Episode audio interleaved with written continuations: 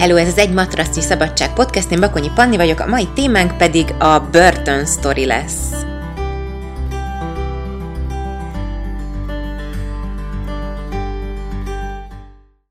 Most már lassan három éve van a cetli a fejemen, vagy a stigma rajtam, abszolút nem negatív értelemben, hogy én vagyok a börtönjogás csaj, és nehéz bárhova is elmenni úgy, hogy ez ne kerüljön szóba, meg nehéz az, hogy ez olyan pozitívan nehéz, hogy megállítanak az utcán, meg kérdezgetnek meg minden.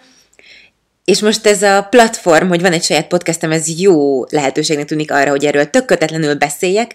Ebben az epizódban elmondom, hogy hogy kezdődött, mi volt az én motivációm, meg egyéb ilyen kulisszatitkokat, és aztán utána meg majd szépen hétről hétre, hogyha lesz olyan esemény, vagy megélésem, ami, ami említésre méltó bent a srácokkal, akkor majd szintén elmesélem. Szóval mindig is rossz voltam az időpontokban, de azt hiszem három éve volt nagyjából, de lehet, hogy több, de nem, kb. három vagy négy éve, amikor én nagyon-nagyon rosszul voltam, fizikailag is, lelkileg is, mentálisan is, egy csúnya szakításból jöttem éppen ki, az önértékelésem valahol a békafeneke alatt volt, és így a, a nulla szint az egy ilyen mennyországnak tűnt fölfele. Ez egy olyan upgrade-nek, ami kb. elérhetetlen és nagyon bizonyítani akartam, hogy én értékes vagyok, meg jó vagyok, magam számára is, mások számára is, stb. És ebben az eléggé megtört helyzetben keveredtem el egy jó barátom szülinapi buliára, ahol játszottam a szokásos antiszociális, engem mindenki hagyjon békén énemet, míg nem egy srác mellé keveredtem, és elkezdtünk beszélgetni, őt nem ismertem előre, szóval így fölöslegesen antiszociáliskodtam vele, és kiderült, hogy ő bizony egy börtönben dolgozik pszichológusként, reintegrációs tanácsadóként, erről akkor még fogalmam sem volt, hogy mi. Lehet, hogy ti se tudjátok, a reintegrációs tanácsadó az abban segíti a még jelenlegi fogvatartottakat és a már szabadult ex-fogvatartottakat, hogy minél inkább be tudjanak illeszkedni a társadalomba közénk. Szóval beszélgettem vele, és mesélt a munkájáról, és hogy milyen projektek vannak, milyen célok, milyen eszközök, és én már akkor tanítottam, még nem full-time, de már volt jogás tapasztalatom, saját gyakorlás egy csomó, meg volt már az oktatói papírom is, és már jó néhány ilyen csoportos órán túl voltam, talán egy-két éve taníthattam akkor, és így rávágtam, hogy én ezt szeretném, és hogy a joga az tökre alkalmas azokra a célokra, amiket ők el szeretnének érni jó, tényleg, tényleg, tényleg. Én ilyen, a, tudod, amikor nem lehet eldönteni, hogy egy kisgyerek hülye vagy bátor, hát igen, nagyjából ilyen állapotban voltam, és igen, ragaszkodtam hozzá, hogy igen, ez nagyon-nagyon jó lesz. Nagyjából egy év volt erre a felkészülés, illetve az elintézése ennek az egész folyamatnak. Voltam képzéseken, hogy hogyan is kell fogvatartottakkal foglalkozni, mik a börtönnek a biztonsági szabályai, stb. stb. Mert ugye olyan nincs, hogy csak így gondolok egyet, és akkor becsöppenek. És, és aztán egy augusztusi napon, azt hiszem talán augusztus 13-án, ez így megvan most a 13 valami miatt, de egyébként ez nem biztos, mint már említettem, elég rossz vagyok ezekben az időpontokban. Szóval, hogy eljött az első alkalom. Tíz hosszú büntetést töltő erőszakos bűncselekményért ülő férfi fogvatartott volt, ez nagyon hivatalosan hangzik, de így, így kellett mondanom sokszor, a TED beszédemben is így mondtam, és ez így berögzült. Szóval, hogy tíz srácot kaptam elsőre, én olyan szinten be voltam tojva, hogy ezt úgy nehéz lenne szavakkal leírni, tényleg teljesen lefagyva, de tök nagy szerencsémre ebből a lefagyásból a saját misszióm, a saját célom az, az kibillentett, és, és tudtam nekik adni. Az volt a célom így előtte, amit megfogalmaztam magamnak, hogy ha csak egy embert egy órára le tudok kötni, és ki tudok szakasz, szakítani a mókuskerékből, a börtönkörnyezetből fejben, és valamit magával tud vinni ebből a nyugalomból, amit én tudok neki adni, akkor már megérte. Meséltem erről már nagyon sokat, hogy hogyan is zajlottak ezek az első alkalmak. A srácok nyitottak voltak, viszont iszonyú szkeptikusak. Ez így elsőre ellentétnek hangzik, de igazából teljesen érthető. nyitottak voltak, hogy nem tudták, hogy mi az a joga, bejön egy csaj, mi fog történni, mozgás lesz, arról mondjuk volt fogalmuk, viszont tök szkeptikusak, hát a joga az ugye a lányos, bén, lányos béna dolog, ilyesmi, és hosszú időbe telt, szóval így jó két-három alkalomba, amíg, ezt most idézőjelesen mondom, megvívtuk a harcainkat, hogy, hogy igen, a joga az nem lányos, nem béna, és hogy nagyon sok mindent tud nekik adni fizikai gyakorlás volt, amit ugye először megtapasztaltak, hogy mennyire jó hatással van rájuk, aztán szépen lassan kúztunk így a joga lelki és mentális hatásai felé. Um, hamar észrevehetőek voltak az eredmények rajtuk, hogy nyugodtabbak voltak, sokkal jobban kezelték az agressziót, és ők is elkezdtek megnyílni, és meséltek arról, hogy milyen megéléseik vannak, hogy hogyan érzik magukat az óra közben, az óra után, és ez az egész ilyen hát csodának tűnt, meg hát tűnik igazából a mai napig is. Eléggé nagy média felhajtás övezte az első blogbejegyzésemet, meg aztán a, hát az, a, a, az egész sztorit, mert eredetileg ugye az volt a terv, hogy nyolc alkalmas lesz ez a jóga tanfolyam a börtönben, és akkor nézzük meg, hogy ki ezt meg kit, mire megyünk, és, és a parancsnok úr látta, hogy hogy ez tök jó, és hogy nagyon jó hatással van a fogvatartottakra, és nem csak a fogvatartottakra, hanem hogy ez egy olyan projekt, ami kifele is, befele is hat. Szóval nem csak a börtönön belül, hanem azáltal, hogy én kommunikálok róla, a társadalmat is érzékenyítem, engedek egy olyan bepillantást ebbe a, az elzárt környezetbe, ami által, akik onnan kikerülnek, talán, talán jobb fogadtatásban részesülnek, vagy tártapkarok várják őket, ilyesmi. Szóval egy elég nagy média felhajtás lett, én mindenhova hívtak, mindenhol nyilatkoztam. Volt olyan szerencsében és megtiszteltetésben részem, hogy a TEDx Youth Budapesten is beszélhettem. Keresétek meg az előadásomat, az első csoportról, az eredmények, meg a folyamat, meg a pontosan mi zajlott, azt ott elmondtam, most ezt nem szeretném ismételni. A külső reakciók nagyobb része pozitív volt, kisebb része, egyharmada volt meglehetősen negatív. Itt ez nekem egy eléggé nagy feszültséget okozott, hogy, hogy van egy projektem, amiben szívem, lelkem benne van, és a száz százalék tiszta, jó szándék és segíteni akarás az, ami motivál, és ami tényleg sarkal arra, hogy hétről hétre kimenjek, és fölkeljek, és, és adjak, adjak, adjak, úgy, hogy mellette én borzalmasan, de nagyon-nagyon-nagyon-nagyon sokat, tényleg kiadok ott magamból, és azt nehéz visszatölteni.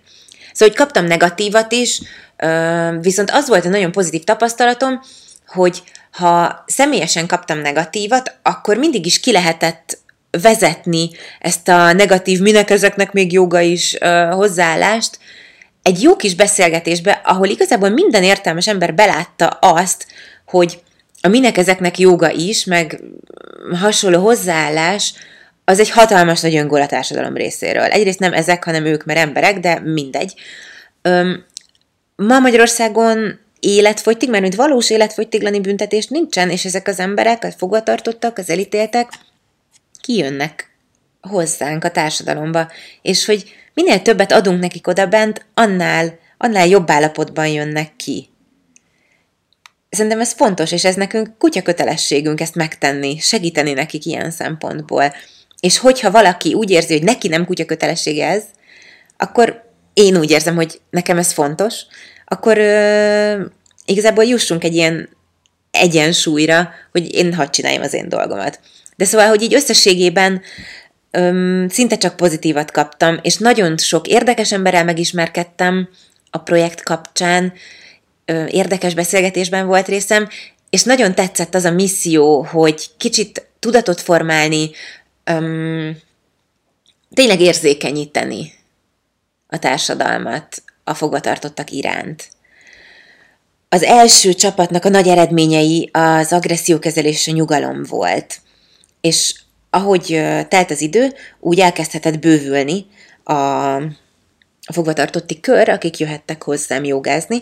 Meg van szabva az nyilván, hogy hány ember fér el a terembe, hogy én hány emberrel, ö, hány emberre tudok normálisan odafigyelni, mert azért az sem mindegy.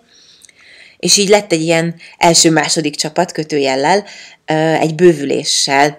És az volt az izgalmas a, ebben a mixben, hogy nagyon más, hát ilyen börtön kasztban lévő emberek kerültek össze, akik egyébként nem beszélgettek volna, nem találkoztak volna um, valamiféle egymás, föl, egymás alá fölé rendeltségi viszonyban voltak, és a jóga órákon mindenki egyenlő volt, és ez látszott, hogy eleinte nagyon furcsa, és aztán meg kialakult egy ilyen közös nyelvezet a srácok között, és egy közös csapat, közös célére. A közös cél az az, hogy mindenki önmagán tudjon dolgozni.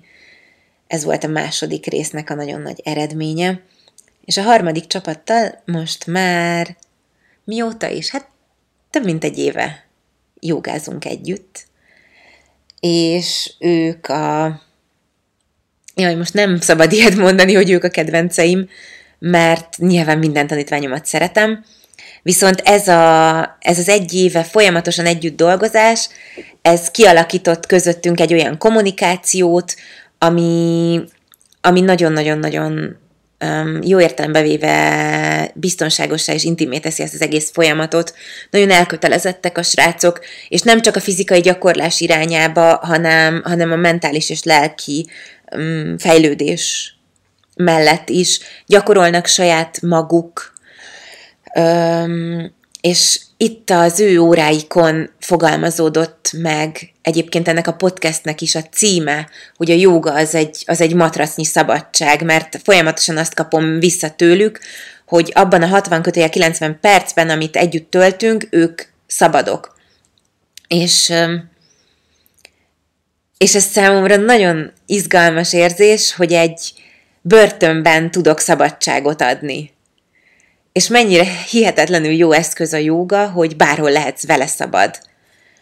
Mm, egy csomó kérdés van, amit állandóan kapni szoktam, és most néhányat megválaszolok belőlük, hogy félek-e még, nem félek, már nincs mitől félnem alapvetően, és eleinte is azt egészen hamar felfogtam, hogy félelemmel nem lehet adni. Ha én félek attól, hogy ott bármi történhet, logikusan és teljesen, teljesen racionálisan semmi nem történhet ott velem, de hogy mégis a hat rám a környezet, meg a rácsok, meg a mit tudom én mi, akkor, akkor lefagyok, és nem fogok tudni adni. És nekem az a célom, hogy egy tiszta lapot adjak nekik, egy tiszta lapot adjak ezeknek a résztvevőknek, és ebben a 60 vagy 90 percben ők ne fogva tartottak legyenek, hanem emberek, és tudjanak dolgozni önmagukon úgy, ahogy ők szeretnének.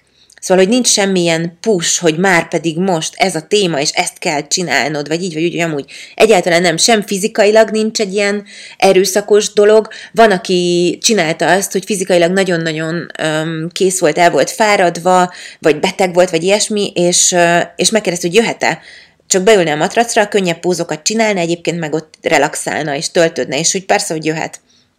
Szóval, hogy ehhez a szabadsághoz nem fér hozzá az, hogy én, hogy én féljek és ezt őszintén tudom mondani, hogy nem félek. Ö, én mi is szokott még lenni a kérdés? Igen, hogy, ö, hogy nem kezdenek-e ki velem, meg hogy nem kapok-e beszólásokat. Nem. Nagyon tiszteletteljesen bánnak velem. Jó a viszony közöttünk, viszont abszolút megvan ez a, ez a tanár-tanítvány viszony.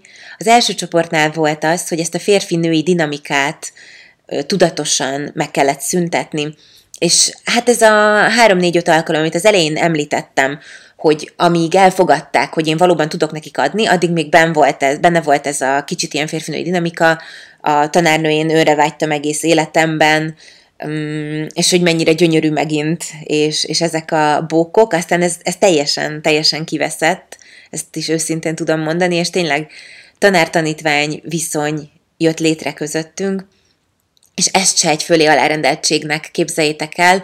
Aki ismer, az tudja, hogy én itt kint sem egy ilyen, nem tudom, elefántcsontoronyból kommunikálok, meg tanítok, hanem teljesen egyenrangúan, mert mint én úgy értem, hogy nekem van egy tudásom, amit egy hatalmas nagy ajándéknak tekintek, és azt így szívesen adom oda a másiknak, és attól, hogy neked nincs meg ez a tudásod, attól te nem vagy egyáltalán kevesebb, hanem gyere és vedd el, mert én szívesen adom. És ez a börtönben is így van, hogy teljesen egyenrangúnak kezelem őket.